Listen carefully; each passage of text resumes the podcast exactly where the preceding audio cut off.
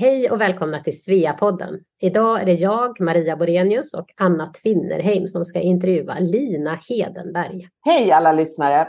Ja, idag ska vi alltså intervjua Lina som har bott på många spännande platser runt om i världen. Moskva, Shanghai och Hongkong. Och hon berättar om hur det är att bo utomlands såklart, men också att flytta hem igen. Och eh, hur man ska tänka kring det.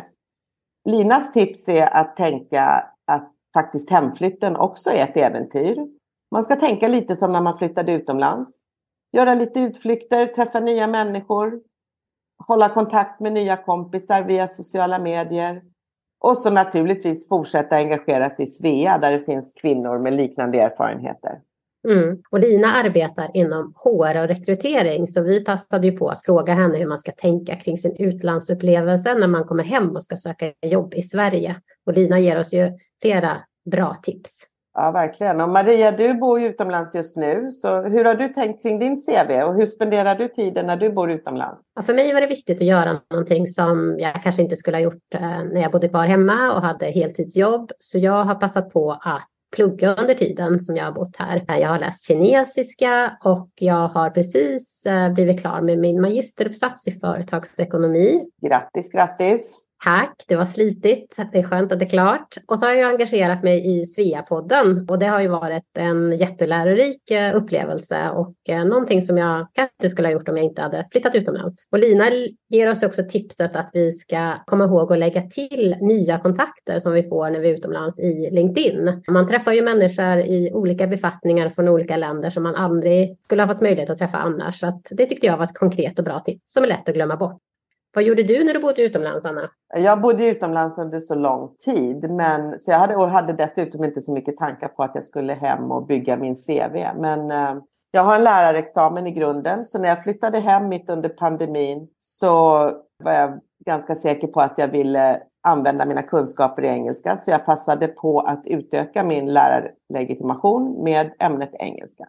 Och sen när jag sökte jobb så tyckte arbetsgivarna att det var väldigt positivt att jag hade bott utomlands och hade andra perspektiv. Det var ju skönt att höra. Och I den här podden så kommer ni ju få de här konkreta tipsen från Lina. Men vi vill även passa på att rekommendera att läsa det senaste numret av Sveas tidning Forum där Jessica Holm som också arbetar inom HR och är coach ger sina bästa tips inför en framtida hemflytt. Men nu är det dags att lyssna på Linas spännande berättelse. Så häng på lyssnare. Här är Lina Hedenberg.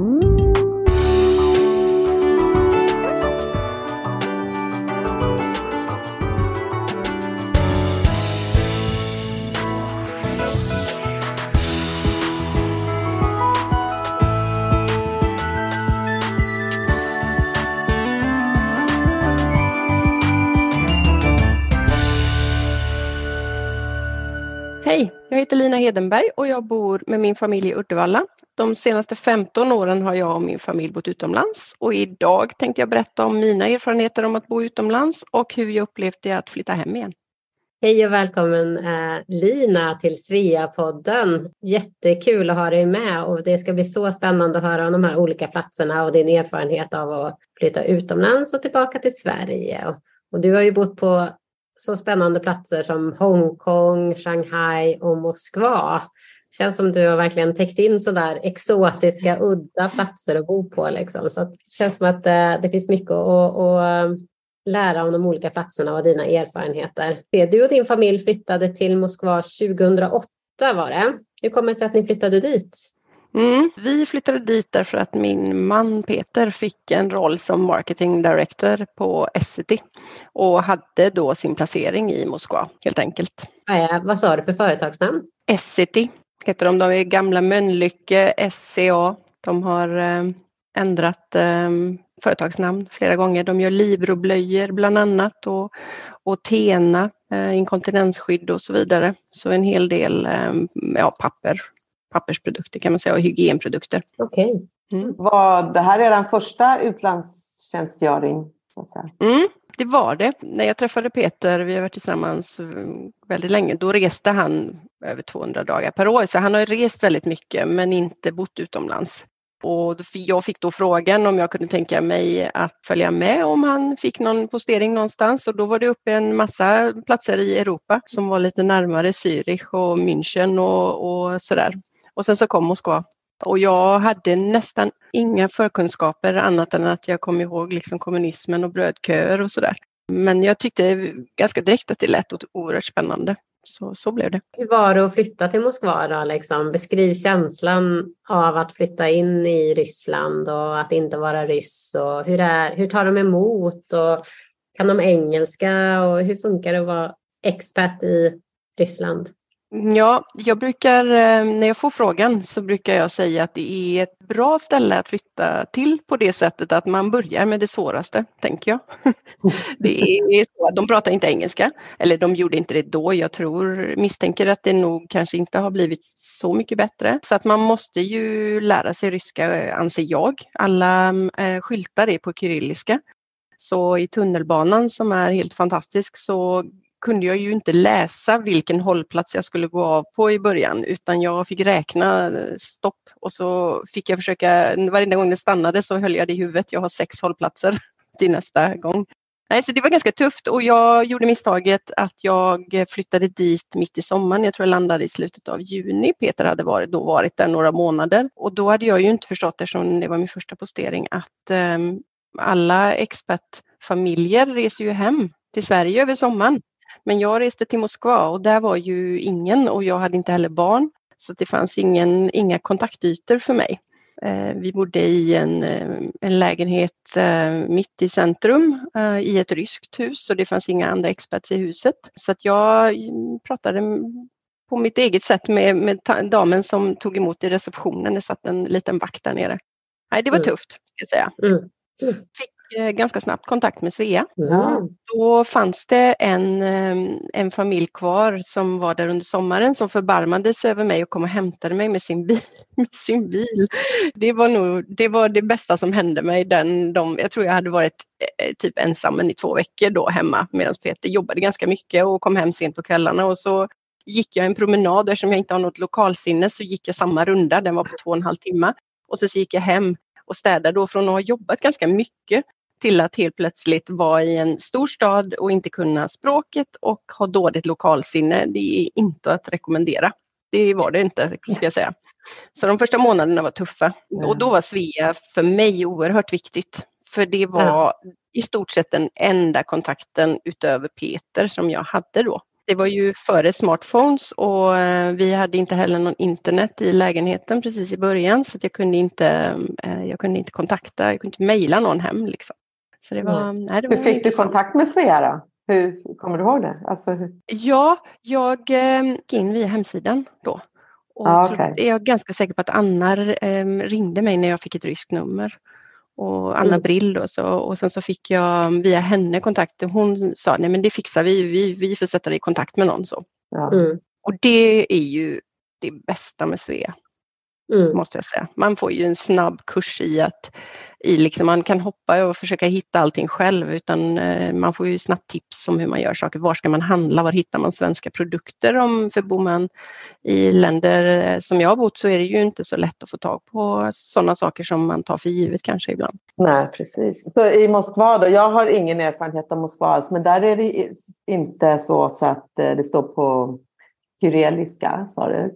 Kyrilliska, ja. Kyrilliska. Eh, jo. Och, eh, jo, det står på det, men det står inte mm. på engelska också. Liksom, utan... En del produkter, men ganska ja. ofta så klistrar de käckt över innehållsförteckningar och sådär. Så att eh, sådana saker som schampo kändes ju som att eh, hur svårt kan det vara? Det, det kan vara ganska svårt.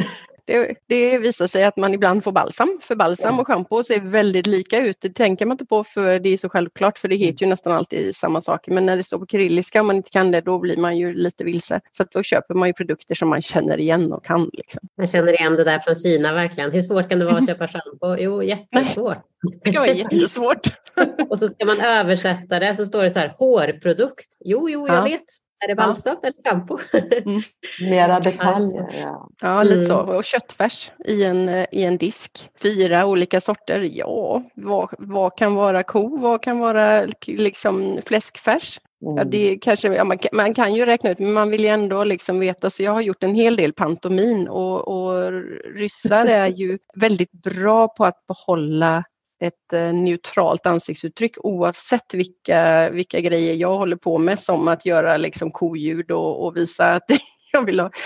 Eh, det, de, de, de är väldigt bra på att vara neutrala kan man säga. Men var det många sveor då? Var det ett stort svenskt gäng eller hur, liksom, hur, såg, eh, ja. hur såg communityt ut? Liksom? Ja, vi var ganska många. Sen var det många som bodde utanför. I Moskva var det också så till skillnad från sen när vi kommer in på Shanghai och Hongkong då, att det var många som var i Moskva på den tiden som jobbade och då, då har man ju liksom sitt egna nätverk. Mm. Och de som som hade barn. Jag hade ju inte barn när jag flyttade dit. Jag fick ju barn under tiden jag bodde där.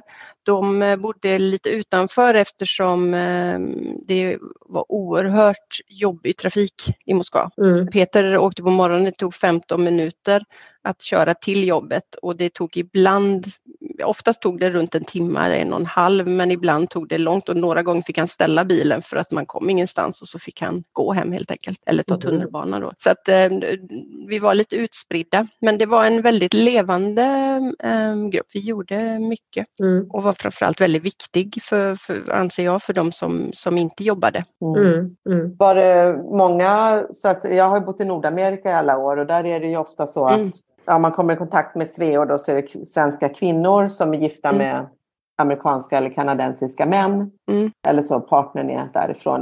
Men här, här var det mera så att det var helsvenska par som hade flyttat eller var det svenska ja. kvinnor som hade hamnat där? På samma sätt som man kan hamna någon annanstans? Nej, det tror jag inte. Eh, rent generellt sett skulle jag säga att det är färre kvinnor som blir tillsammans med ryska män. Snarare åt andra hållet då, ja. att det är ryska kvinnor som, som blir tillsammans med svenska män. Så att de som bodde i, jag skulle säga att de, de flesta som jag umgicks med var svenska par.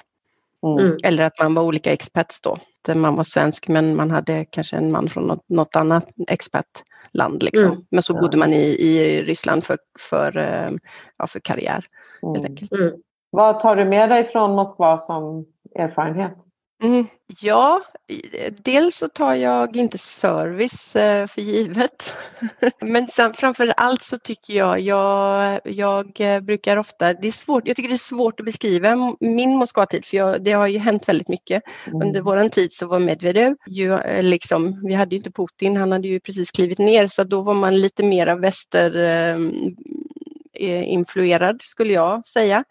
Eh, mm. Men det jag tog med mig allmänt sådär det är att jag, jag älskar och hatar Moskva. Jag tycker att det finns eh, oerhört mycket vackert att se i Moskva som jag tror att man inte riktigt är medveten om i Sverige. Och också hur eh, pragmatiska och, och de, jag har många nej jag har inte många, men jag har några få riktigt goda vänner kvar i Moskva eh, mm. som jag skaffade. Medan det, det var ett tufft ställe. Det är tufft när, när samhället är väldigt hårt. Mm. Eh, och då är man inte riktigt van vid det då så, så blir det en tuff miljö att, att leva i. Lite så. Mm. Vad ska man göra om man åker dit och semestrar då? Liksom? Vad är det liksom, som du säger, det är en vacker stad. Mm. Finns det några guldkorn som man inte får missa när man åker till Moskva? Ja, alltså man måste ju, nu, nu, nu, så här, nu, nu bortser jag från allt som kriget och hela den biten, eh, för den, mm. den påverkar ju, jag skulle ju väldigt gärna vilja åka tillbaka själv till exempel, men jag har, känner att det är ju inte riktigt läge för det. Man måste ju se Kreml och Röda torget. Mm. Det, det, det, måste man ju liksom. Och sen så tycker jag på Röda torget så ligger en helt fantastiskt varuhus som heter GUM, GUM, GUM. Och det är egentligen statligt varuhus. Det finns överallt. Det var de, om, om man är så pass gammal som man kommer ihåg brödkön och så där så fick man bilder därifrån. Det är en fantastisk byggnad och, och helt eh, magisk mataffär där man kan köpa rysk kaviar och, och sådär. Det, det är värt att se verkligen. Mm. Okej, okay. ja, nej, men det hoppas att världsläget blir annorlunda så att man kan åka och besöka Moskva. Mm. Så är det. Ja. Men um, jag tänkte bara liksom lära känna dig lite mer och vem du är. Sådär. Vem, um, vart i Sverige är du född och uppvuxen? Ja, jag är född i Piteå och flyttade från Piteå när jag var åtta år ner till västkusten. Och bodde, mm, så jag är uppvuxen i en liten, ett litet samhälle mellan Göteborg och Borås kan man säga. Och sen, har jag, sen utbildade jag mig uppe i, i Umeå och bodde, har bott i Göteborg så att jag, jag är lite Jag vet inte, är jag norrlänning eller är jag göteborgare? Jag vet inte riktigt längre. Jag tror jag har Ja, jag har väl bott längst i Sätila kanske då som det heter. Och du jobbar inom HR. Är du utbildad? Är det där du har utbildat dig också inom mm. eller? Mm. Ja, jag hade en dröm om att komma tillbaka till eh, liksom, eh, norrlänningarnas... Jag fick för mig att jag gillade snö och så. Jag blev ganska botad sen i Moskva. Men, så jag pluggade till personalvetare i Umeå och ehm, sen så ehm, flyttade jag hem igen och började jobba på Landvetter flygplats med bland annat rekrytering, vilket jag tyckte var fantastiskt roligt och det var det jag lämnade när vi flyttade till Moskva. Då. Känns som att det är det jag vill göra. Jag tycker att det är vansinnigt roligt. Träffa mycket folk och matcha kompetenser med behov. Jättekul. Och nu bor ni alltså i Göteborg? Ja, vi bor i Uddevalla. Uddevalla mil, var det ju så. så ja, var det. Tio mil norr om Göteborg. Ja, så det är ju inte Göteborg. Nej, det, och så var det. Och du jobbar på ett företag som heter Hogia. Mm. Du kan väl berätta lite, vad, vad gör det här? Vad gör Hogia? Mm, det är ett IT-företag, så vi eh, utvecklar och vi supporterar och säljer olika typer av system. Vi gör väl främst ekonomi och affärssystem, men vi gör en hel del system inom HR-lön så att man kan få sin lönespec i en app till exempel. Och, och sen så gör vi, vi brukar säga att 90 procent av alla resenärer i Sverige reser med ett Hogia-system på något sätt. Men det ligger och matar på där bakom. När du står och väntar på pendeln i Stockholm till exempel, står det att det är två minuter kvar till eh, att tåget ska komma. Då ligger ett Hogia-system där bakom och matar på det. Så jag eh, jobbar på rekryteringsavdelningen, vi är fyra stycken. Vi är ungefär 650 anställda och har eh, huvudkontoret i Stenungsund så det är 30 minuter pendling härifrån där jag bor. Då. Trivs jättebra. Det är en, eh, en ynnest i dessa dagar också att få jobba på en intern rekryteringsavdelning. Vi har mycket intern, intern eh, rörelse inom företaget, att man har möjlighet att utvecklas inom eh, och också att jobba i en bransch som, som är så på tapeten nu med AI och, och så. Det är en utmaning för vi saknar systemutvecklare hela tiden så om det är någon som hör det här och vill jobba med systemutveckling så kan de ringa mig. ja, spännande. Hur, hur, ställer du dig inför eh, om någon skulle ringa och, eller som söker jobb och som har bott utomlands i många år? Hur ser man det som rekryterare? Mm, det var ju min största oro när jag bodde utomlands.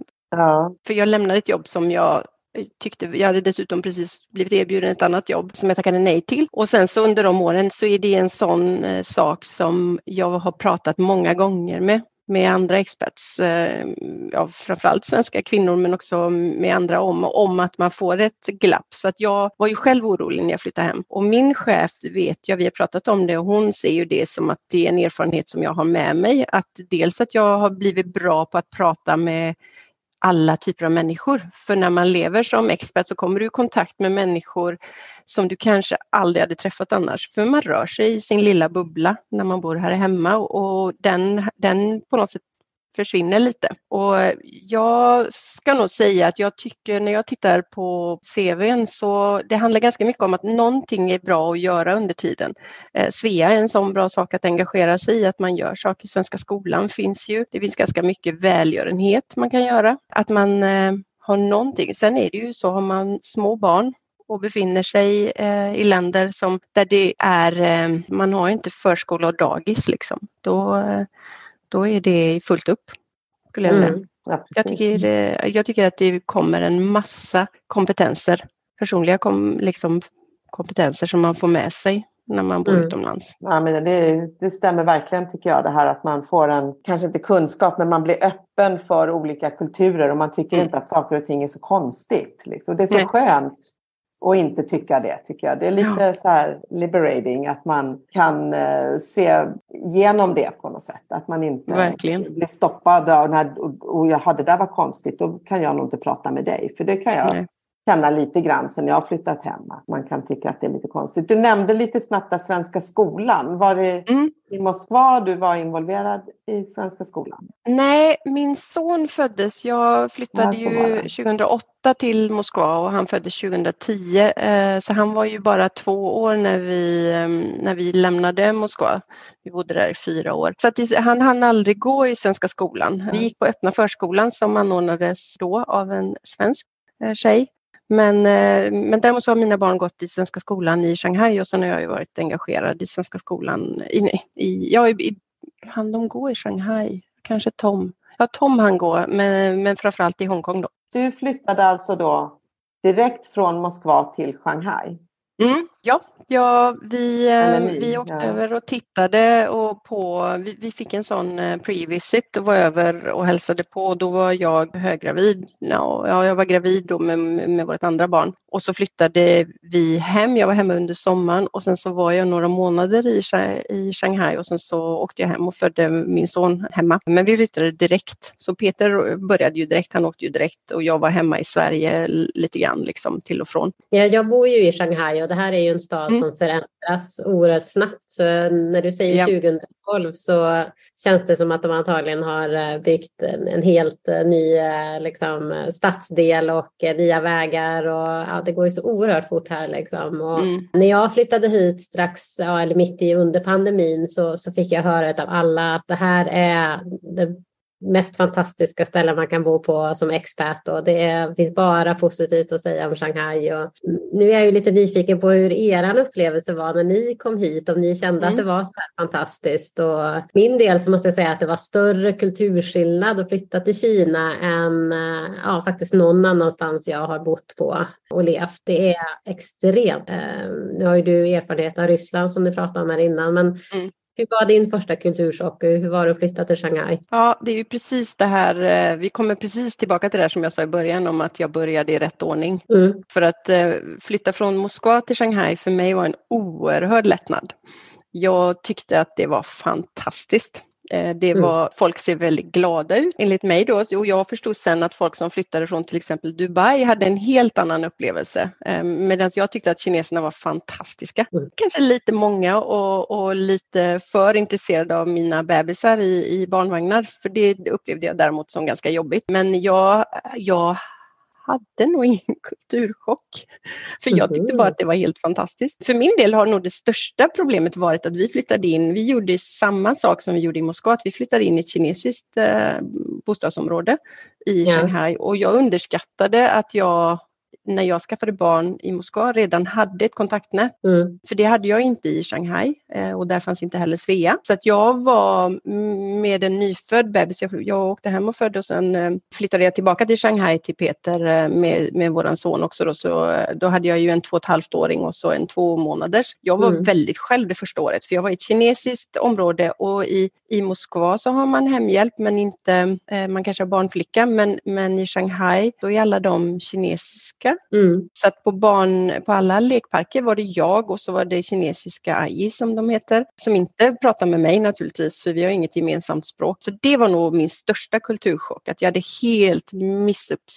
Jag, jag letade efter ett hus jag ville bo i och som låg bra till för pendling för Peter och som, som hade lite grönområde och ett trevligt hus. Jag tänkte inte ens på, på att jag behövde en, en expert community för den tänkte Nej. jag att den träffar jag ändå, men det jag, gjorde jag inte. Så att jag, vi flyttade Nej. efter ett år in i ett riktigt klassiskt sånt expertområde och då kom det faktiskt en, en svensk kvinna och knackade på samma kväll som vi flyttade in och sa att hej, jag, jag, ehm, jag, heter Malin och vi bor bara några hus bort. Jag såg att ni kom in och ni, ni, ni såg svenska ut, eller vi hörde det. Så att eh, mm. här får du mitt telefonnummer så kan du ringa när du har, liksom, har landat lite. Det mm. var ju fantastiskt. Ja, det är så mycket värt. Wow. Ja, det är så otroligt. Ja. Vilket område var det ni landade i?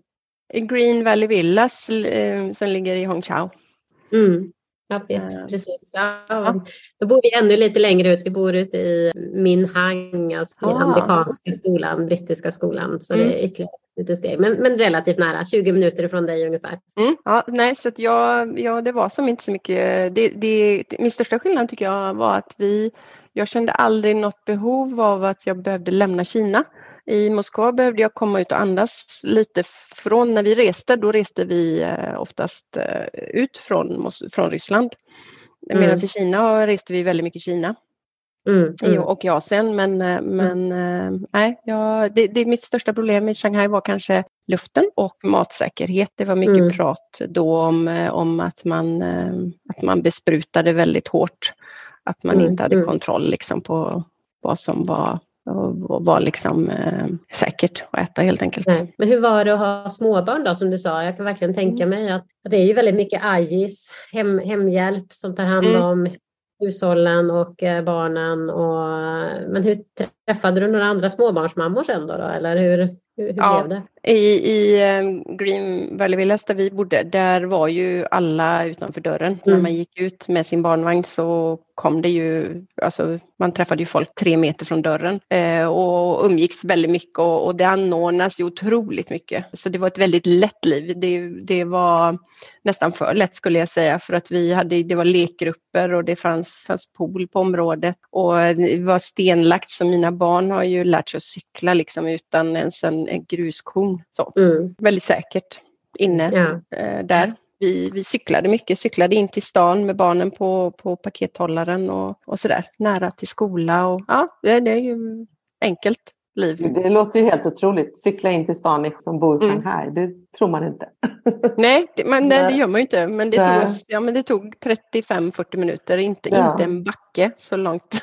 Sen är det ju, sen är det, är det ju så då att det är ju mycket trafik och de, då, jag tror att de har blivit hårdare med det. Men när vi bodde där så körde ju alla åt alla håll och kanter. Men jag vet inte, man vänjer sig så sakteliga med med vad det hur det funkar. Det gör ja. absolut. Och du, ni hade rest runt lite sa du. Vad var för roliga platser ni åkte upp på semester till när ni var i ja.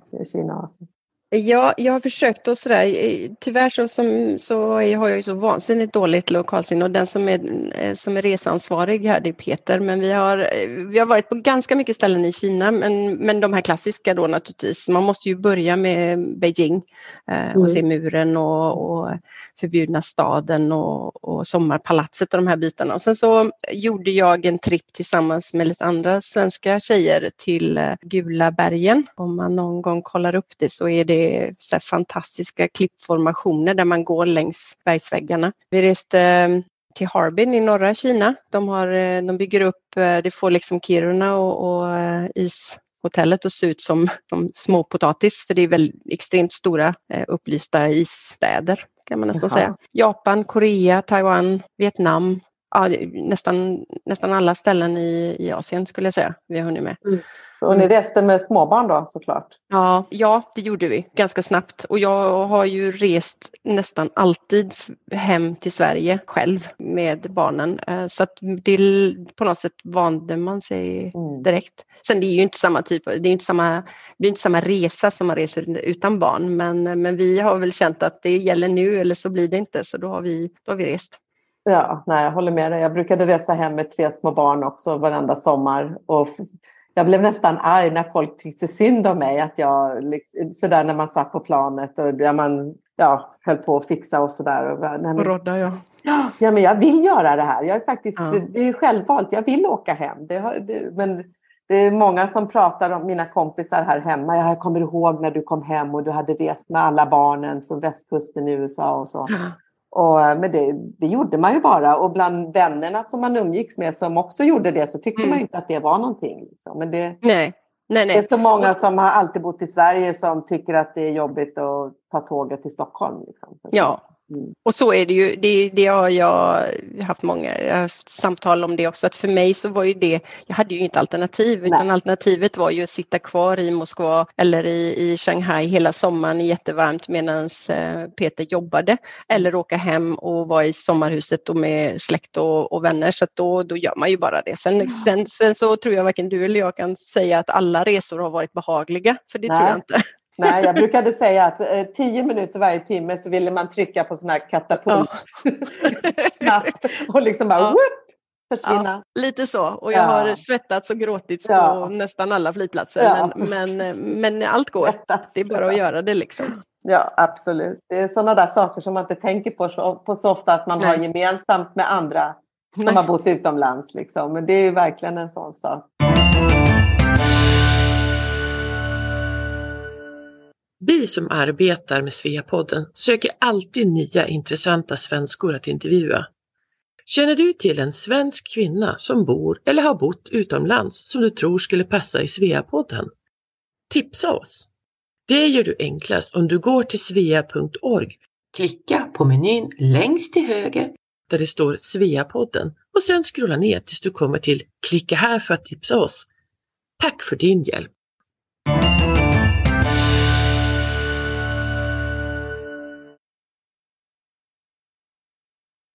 Ni bodde i Shanghai och sen så gjorde ni en liten mellanlandning i Sverige och sen flyttade man till Hongkong. Ja, men precis. Vi, vi var ju fem år i Shanghai. Eh, först fyra år i Moskva, sen flyttade vi direkt till Shanghai och var där fem år och hade egentligen ingen lust att flytta hem men, men eh, Peters jobb var så, sådant att eh, det var läge att, att flytta hem och vi hade, fick ingen postering som, som var aktuell. Så då flyttade vi hem och satte eh, barnen i förskola. Amy var väl eh, fyra då tror jag och, och Tom var, började ettan i, i um, Sverige. Och så bodde vi ett år hemma. Så jag jobbade, jag hann börja jobba, uh, jobbade fyra månader och sen så uh, fick Peter ett nytt erbjudande om att flytta till Hongkong då. Eller rättare sagt han kunde välja mellan två jobb. Han blev erbjuden två jobb, ett i Hongkong, ett i Sundsvall. Och då kände jag att mellan Sundsvall och, och Hongkong så, så vill jag nog till Mm, jag ska fundera lite. uh, och då, jag ska säga att det året är inte värt att, och, alltså det var inget bra år. Så mm. Peter reste fortfarande väldigt mycket till Kina. Han var borta veckovis. Jag hade en fyraåring och en ja, sjuåring då. Och uh, ingen av oss tyckte att Sverige var jättekul.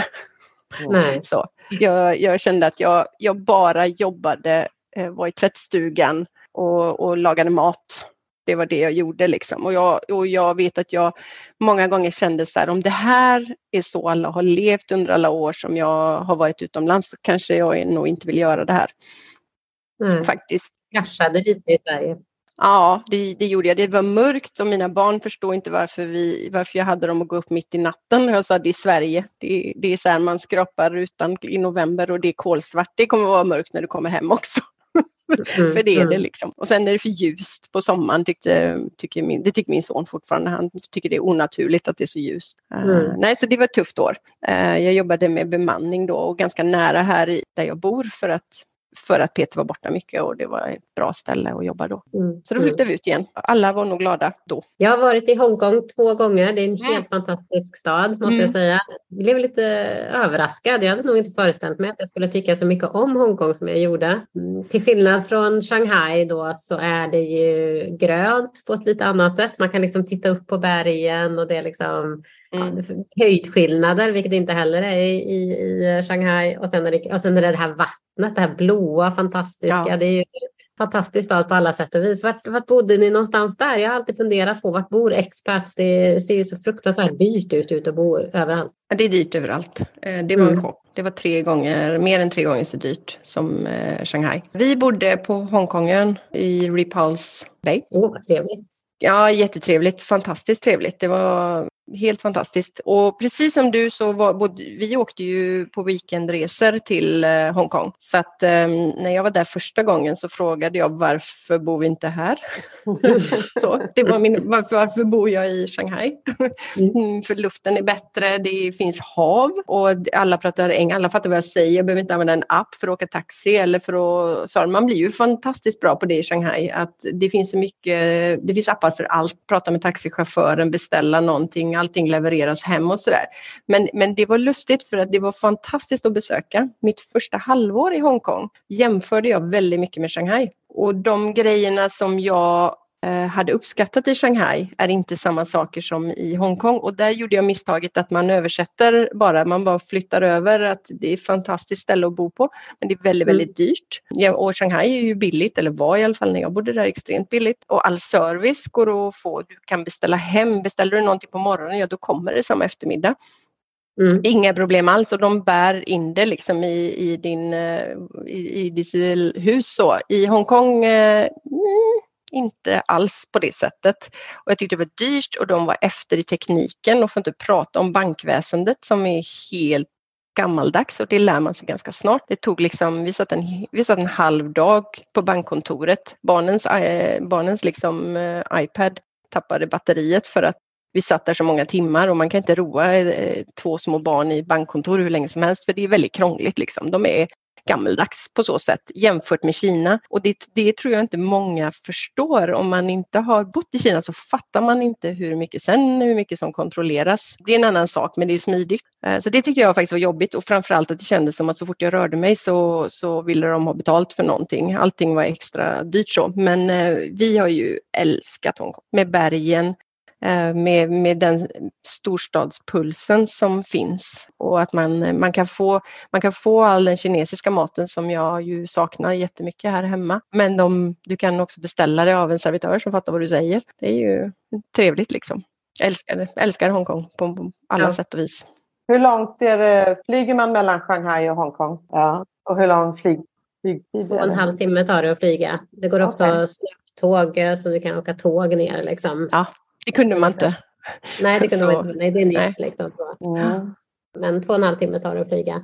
Ja, nej, men det, och jag, det, jag tänker på det här med att det är en gammal brittisk koloni mm. och att mm. som du säger, en del av den här långsamheten kommer ju någonstans ifrån de kulturerna som möts i, i um, Hongkong där med liksom det brittiska och det kinesiska. Och, mm. Tycker du att man känner av de brittiska kopplingarna? Liksom? Ja, absolut. Eh, man märker ju dem i allt ifrån att de har så här Milk Tea, Marks and Spencer, att de är ganska, det känns som att de är, eh, många, är, trots att det har varit en koloni så är man på något sätt ganska stolt över den eh, det arvet, men också från, ja, jag tänker på det politiska systemet som har varit, i alla fall hur det är uppbyggt, en helt oförståeligt domstols domstolsväsen. Det är ju det är omöjligt att förstå sig på, men det är väldigt brittiskt. Jo, men det, det är väldigt tydligt. Nästan alla pratar ju engelska. Framförallt pratar ju alla Hongkongbor som mm. är äldre pratar ju engelska och bra engelska. Ja, det, och det där är ju oerhört förvirrande när man kommer ifrån mainland China och åker in och de ser kinesiska ut. Så man, ja förutsätter ju att de inte kan engelska så man börjar ju med ja. gesterna och liksom kroppsspråket och så ja. bara pratar de ju perfekt engelska med en. Man blir alldeles, det är svårt att liksom få ihop det där med att de ser kinesiska ut och pratar engelska. Ja, det, det, det är det. Sen eh, tycker jag ju att eh, eh, när man har bott tillräckligt länge så, så ser man i de flesta fall att eh, skillnaden redan innan. Men lutar det åt att fler kineser i eh, Shanghai som pratar engelska? Alltså, är det fler som lär sig engelska idag? Eller det, I Shanghai? Ja. Alltså Shanghai, om, du ska bo, om, mm, om man tittar på Kina så är ju Shanghai det är absolut mest västerländska och eh, ja, men vad säger man, eh, internationella staden i, det är ju inte Beijing utan det är ju Shanghai. Så där finns ju flest engelsktalande och det är ju väldigt många som utbildar sig och vill till Hongkong också. Och hur såg livet ut i Hongkong då? Vad, vilka umgicks du med där? Vad gjorde du på dagarna och så vidare? Ja, eh, jag eh, hade ju en ambition då när vi flyttade ut igen att jag skulle jobba. Eh, men ganska snart så, vi hann väl bo kanske två, tre veckor så fick vi ju en jättestor tyfon eh, som som raserade ganska mycket just då. Eh, sen, sen så bygger de, de är snabba på att bygga upp och sådär. Och sen så började demonstrationerna så jag var på lite intervjuer eh, för jobb men tackade nej för att jag eh, helt enkelt det gick inte för de stängde skolor.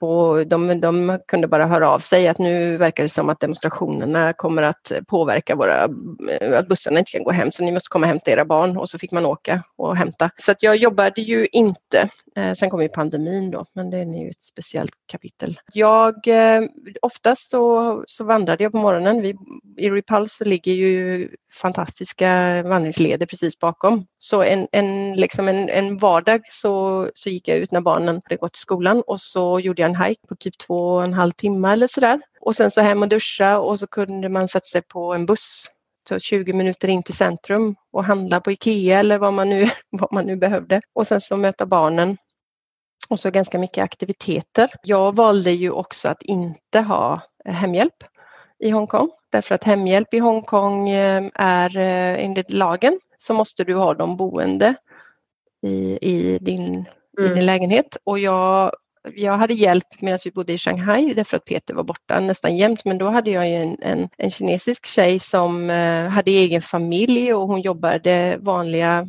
eh, kontorstider, hon jobbade 9 till 5 och sen åkte hon ju hem till sin familj och levde ett vanligt liv. Och jag hade väldigt svårt för tanken att det skulle bo en person i min skrubb. Sen eh, jag kände att jag inte vande mig riktigt vid att ha den hjälpen under de åren som jag hade i Shanghai och tanken då att ha någon som bor i, ehm, i min lägenhet som aldrig går hem kändes väldigt jobbig. Så jag var ju ganska styrd. I, annars bygger ju nästan allt på att man har hemhjälp i Hongkong. De levererar lite när de känner för det och, och ehm, det, det är mycket som bygger på att man har hemhjälp men jag valde att inte göra det och då var jag ganska styrd av att vara där och ta emot. För i, i, i Hongkong så släpper man inte av barnen av bussen om du står och tar emot. Så, de släpper ju inte bara av barnen, det gör de inte i Shanghai heller, tänker jag. Nej, nej. nej. Så att eh, då, då måste man vara, när bussen kommer tio över tre, då måste du vara där, annars så, så tar de med sig barn för att åka och hämta dem på någon uppsamlingsplats eller sådär. Så att, ehm, ja men så var väl det för det mesta. Jag hajkade mycket, jag var engagerad i Svenska skolan, det hade vi en dag i veckan på eftermiddagarna. Så då tog jag, hämtade upp barn på olika skolorna och så tog vi taxi till um, en tredje skola. Mm. Så dina barn gick på Svenska skolan i mm. Hongkong yep. en dag i veckan? Ja. Hur, eh, hur mycket hjälpte det till nu när ni flyttade hem då, tycker du? Hur gamla var de när ni kom hem? Eh, ja, men då började ju Amy i eh, ettan. Hon fick, nej vänta nu, hon fick gå om, hon skulle börja tvåan då, så att hon fick gå tvåan, hon skulle börja trean så vi började tvåan igen då. Och Tom började ju, han är sexan då, så han började fyran, femman, femman började han. Det har ju varit i, det har ju varit A och O skulle jag säga. För att de, har ju, de kan ju skriva och läsa. Jag har alltid läst varje kväll. Läste jag på svenska när vi bodde utomlands och sen när vi flyttade hem då har jag fortsatt att läsa på engelska för att de skulle bibehålla. För det är väl det som de saknar mest då. Att de är rädda att tappa engelskan. Det här att eh, din dotter då, eller Amy, hon eh, mm. började tvåan men skulle ha börjat i trean. Mm. Var det något som ni bestämde själva eller var det skolan som sa det? Det var skolan. Ja, det var det. Mm. Ja. Hon pratade sämre. Hon pratade sämre. Tom fick ju ett år i, i svensk skola. Han gick ju ettan i Sverige. Ja, och jag tror att den hjälpte hans svenska ganska mycket så den blev liksom lite mera, vad säger man, eh, den fastnade lite mer än vad den gjorde hos Amy som gick på förskola. För hon, eh, när vi flyttade ut till Hongkong så var hon ju, hon förstod ju allt på engelska men hon eh, pratade ju hon, hon blandade väldigt mycket. Hon hade inga problem med det men, men det var inte alltid de förstod vad hon sa. Nej, men jag bara tänker som förälder i det där läget mm. så kanske man är sådär, nej men hon ska ju gå i den mm. klassen hon ska gå i och sådär. Och ja. min, min, erfarenhet är då att när Amy blir lite äldre så kommer det vara perfekt att vara äldst i klassen. Ja. alltså, mognad och allting sånt. Man ska, alltså det, är inte, det är faktiskt säkert jättebra. Liksom. Men ja. som förälder just där och då så tycker man att det kanske är lite jobbigt. Upplevde du att det var? Ja, eh, ja men hon, var, hon har varit helt obrydd hela tiden. Hon mm. är, hon, det är så, man kan nog släppa henne. Det är väl kanske det jag har märkt mest, att det är väldigt stor skillnad på barnen, hur de ser på det. För Tom har haft svårt att, han var inte så förtjust i, han ville ju flytta ut till Hongkong, men när vi väl var i Hongkong så längtade han hem till Sverige och den svenska skolan. Och nu längtar han tillbaka till Hongkong. Och skolan i Hongkong. Eh, medan Amy är nöjd var man än släpper henne så länge det finns dumplings och, och kompisar så spelar inte henne någon roll om, om de förstår vad hon säger. Så för henne har det varit eh, helt odramatiskt eh, medan det har varit mycket svårare för Tom. Och jag tror att ehm, det är nog svårare ju äldre de blir för att det har inte varit en så lätt eh, flytt tillbaka och det kanske ni har mer erfarenhet om, om som har flyttat barnen i fler, för det kan jag tänka på om man skulle göra det igen nu då. Eh, nu har ju mina barn fördelen att de pratar engelska och sätter man dem på internationella skolor så skulle inte det vara något problem, tror jag. Eh, men kulturen påverkar ju dem mer ju äldre de blir. Vad har varit det jobbigaste i skolan då? Akademiskt eller eh, kompisar? Hänga med på lektionerna eller så? Eller? Ja, Nej men det har nog gått ganska bra. Det är nog samma sak där, att det har varit svårare för min son. Mm. Uh, han har en barndomskamrat så här och det är därför vi valde att flytta till Uddevalla istället för Göteborg då. För min man jobbar ju i Göteborg. Så han pendlar ju ganska långt men därför att de har sitt, um, de har liksom redan vänner här mm. kring och det är ju oerhört viktigt. Det är mm. nästan viktigast tänker jag. Du har ju varit aktiv, berättar du, i, i mm. Svea och Moskva och sen var du aktiv i Svea i Hongkong också. Och mm. så finns det ju ingen Svea här i Shanghai så det fungerade ju inte riktigt. Men hur har Svea påverkat dina utlandsupplevelser? Ja, men jättemycket. Och som jag sa, framför allt så är de ju på något sätt en motorväg in i att träffa andra. I Moskva var det avgörande för att jag skulle känna någon som helst eh, trivsamhet i att bo där. För jag var oerhört ensam den första tiden, förutom de kontakterna jag hade via Svea. Och sen så, så tycker jag ju att alla jag har träffat via Svea är så oerhört generösa med sin tid och med sin kompetens och med sin kunskap. Man, är liksom, man vill verkligen att du som ny ska trivas också, inte bara liksom hjälpa dig för att du ska överleva utan mer att man får liksom, men de här grejerna är det bästa med det stället som du är på. Och så får man lite hjälp, alltså man går igenom samma fas. När man, är, när man har bott eh, men tre, mer än tre år på ett ställe, då blir man ju en sån där gammal som har hört allting tusen gånger om de grejerna. I, när man träffar folk som flyttar in till Moskva så pratar alla om trafiken, om att ingen ler i butikerna och sådär. Ja, absolut, men har du, har du provat, eh, har du provat att käka piroger liksom från Uzbekistan? Det är typ det bästa som finns. Det måste du prova så får man liksom eh, hjälp med att hitta guldkornen som gör att man trivs. Det är ju Svea bäst på får jag säga. Mm. Så liksom skapa guldkant på tillvaron. Du återvände till Sverige och du fick, fick du jobb med en gång när du kom tillbaka, du själv? Alltså vi pratade om deras skola, men Ja, jag flyttade ju hem i juli och sen så valde jag att inte, för jag var ganska orolig över eh, skolstarten där så att jag väntade med att söka jobb till, tills jag kände att de hade gått in så vi hittat rutiner igen. Min dotter åkte ju vilse som jag sa det här med att de, man har någon på bussen som ser till att barnen går av på rätt hållplats och så. Det är ju mina barn uppvuxna med. Så att eh, min dotter har åkt bussar åt alla håll och kanter för i Sverige får man ju ingen hjälp, det ska man sköta själv och hon är ju inte rädd av sig så hon har ju åkt buss åt alla håll och kanter. Det, det tog ett tag innan jag började söka jobb så jag började väl söka kanske september, oktober och fick tips av en, eh, en barndomskamrat som jobbar på Hogia om att de sökte en, eh, en, då en HR eh, ett, ett vikariat på talent management som jag sökte och inte fick. Och då kände jag att ja, det var ju det jag sa, jag kommer aldrig få ett jobb. Jag kommer aldrig få ett jobb. det, det kommer aldrig gå. Men blev uppringd av min nuvarande chef då att de sökte en till rekrytering, vilket är det jag har hoppats att kunna gå tillbaka till. Så att jag fick ju jag sökte två jobb och jag fick ju ett av dem då om man då kan säga. Så att jag hade ju oerhört tur. Men eh, så det var nog, det, var nästan för bra för att vara sant för jag trivs ju jättebra. Vad härligt. Och härligt att höra för alla som funderar på att flytta utomlands eller är utomlands att det går, det går att liksom få ett jobb när man kommer tillbaka och, och ändå trivas och få ett bra jobb. Liksom.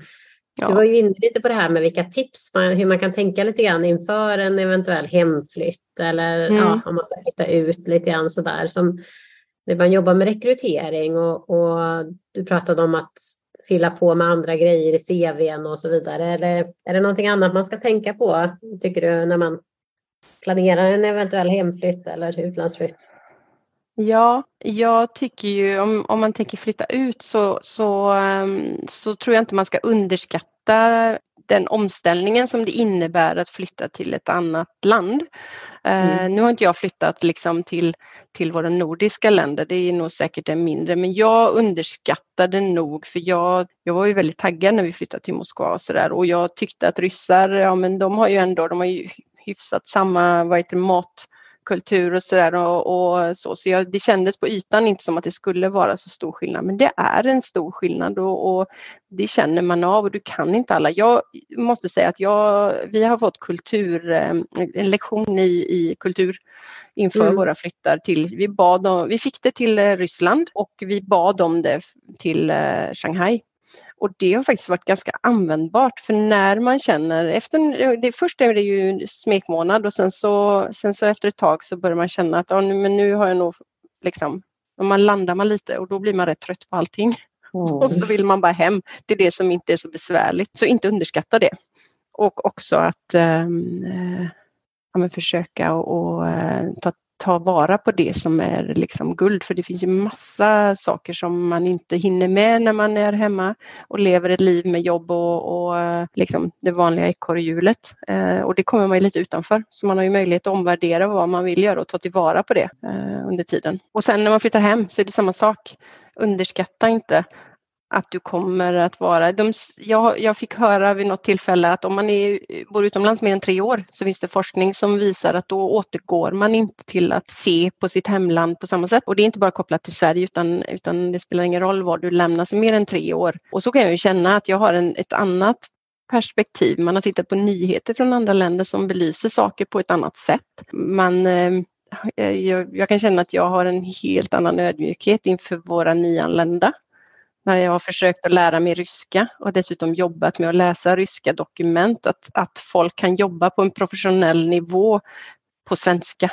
Det är, liksom, det är ju inte det lättaste språket att lära sig. Men eh, så vi, vi, såg det som, jag tyckte ju att det, för, det första gången vi flyttade hem var ganska jobbig, så när vi flyttade hem igen så bestämde vi att vi ska behandla det som att flytta utomlands. Så vi gör, vi gör mycket utflykter, små utflykter men, men att vi åker, vi har ju sett väldigt mycket mer än vad min, mina, mm, min bästa kompis som bor här i området har gjort därför att vi, vi liksom tar reda på saker och så gör vi det, det till utflykter. Så att man, man får se sitt närområde och se det på ett annat sätt. Det tror jag är viktigt. Och sen så får man ju unna sig. Nej men jag tror också för att när jag flyttade hem efter många, många år utomlands så får man ju ofta frågan, men gud, hur är det att flytta till mm. lilla Ängelholm efter att ha bott i stora städer och så. Och då, ja. ja men det här är ju mitt äventyr nu, brukar jag säga. Ja. Alltså, och det är verkligen så det är. Liksom, att jag, jag kommer in här med stora ögon liksom, och tycker att, och jag förväntar mig inte att det ska vara, eller det kan man inte, jag tror att jag hade förberett mig mycket på det när jag flyttade hem. Att det kommer inte vara att flytta hem. Det hade jag ju förstått under åren när jag var hemma och hälsade på också, att man känner sig helt missplacerad. Liksom. Mm. Man låter som man kommer härifrån men man har ingen aning om någonting. Det är väl svårt. Ja, men, det, men om man då är beredd på det på något sätt och man ser det mm. positiva som du sa att ni såg det som att det var nästa placering. Liksom. Även om det var till att flytta hem. Men jag tror att det är viktigt att man kommer ihåg det. Att man själv har ändrats väldigt mycket och att eh, Sverige har inte stått still. Liksom. Nej. Och både vad gäller liksom sådana ytliga saker som musik och maträtter eller ja, vad som helst liksom, som det finns trender i. Som man har, jag har missat det liksom, helt och mm. hållet. Man har ingen aning. Liksom. Mello. Ja, precis. Har ingen, ingen i min familj har något intresse av och kan ingenting om Mello. Vi har inte följt det alls. Nej. Jag tappade det när vi flyttade utomlands. Och det, det, det är en stor del av den svenska eh, mentaliteten. Det ingår liksom i alla kan, ehm, kan gamla. Jag kan bara de som var, jag kan Carola och de som var liksom innan. Vi brukar fråga våra gäster och så om de har något motto att leva efter som mm. man lever efter och vill dela med sig till våra lyssnare av. Har du något sånt som du tycker har hjälpt dig när du har flyttat runt eller flyttat hem? Eller? Ja, men alltså, eh, egentligen så, jag, för min del så har det alltid varit, jag har inget sådär snyggt utan det är mer sådär att jag testar. Alltså jag tycker, låter det spännande så gör jag det och sen så får jag reda ut hur det ska gå till sen. det är liksom, eh, man, ska, man måste våga och alla, alla praktiska saker om hur och, och, och så där, det får man lösa sen. För om man ska tänka ut alla konsekvenser för allting innan, då blir det ingenting. Det är bara fake it till you make it. Absolut, vara nyfiken. Det är alltid ja, bra. Mm. verkligen. Tack så jättemycket för att vi fått prata med dig och att du har fått liksom bara höra de här olika Alltså få lite perspektiv på utlandsupplevelsen är ju viktig för att både våga att ge sig ut och att klara av den under tiden och sen när man kommer hem på något sätt. Perspektiv är ju viktigt. Man är ju i sin egen bubbla liksom, med sina egna frågor och funderingar. Liksom. Ja. Skulle du kunna tänka dig eh, att flytta ut igen? Mm. Ja, det skulle jag. Det, det, det, har jag märkt att det är lite provocerande för, eh, för, för jag, jag har haft, eh, fått mycket frågor av mina kollegor som inte har bott utomlands och de tycker det är jättekonstigt. Men eh, jag måste inte nödvändigtvis leva resten av mitt liv i Sverige. Jag har inga problem om det blir så, men, men absolut. Definitivt. Jag tänkte på det, det här med att flytta hem också, kom jag på bara som en sista grej. Ehm, det vi gör också är att vi försöker hålla kvar våra kontakter som vi har skapat. Så att vi reser ganska mycket. Vi var i Kanada och träffade vänner som vi bodde med i, i eh, Hongkong och jag får besök från Australien nu till sommaren. Det, det är ju väldigt skönt att prata med folk som har varit på de ställena där man har bott, eh, oavsett om de är svenskar eller, eller något annat. Det är ju fantastiskt. Ja, det är underbart. Det blir en här rullande effekt på något sätt. Nu har, kan ni mm. komma till Kanada för de har flyttat dit eller så Australien. För de, ja, de här mötena är underbara. Tack så jättemycket Lina, verkligen. Tack själva. Tack så jättemycket.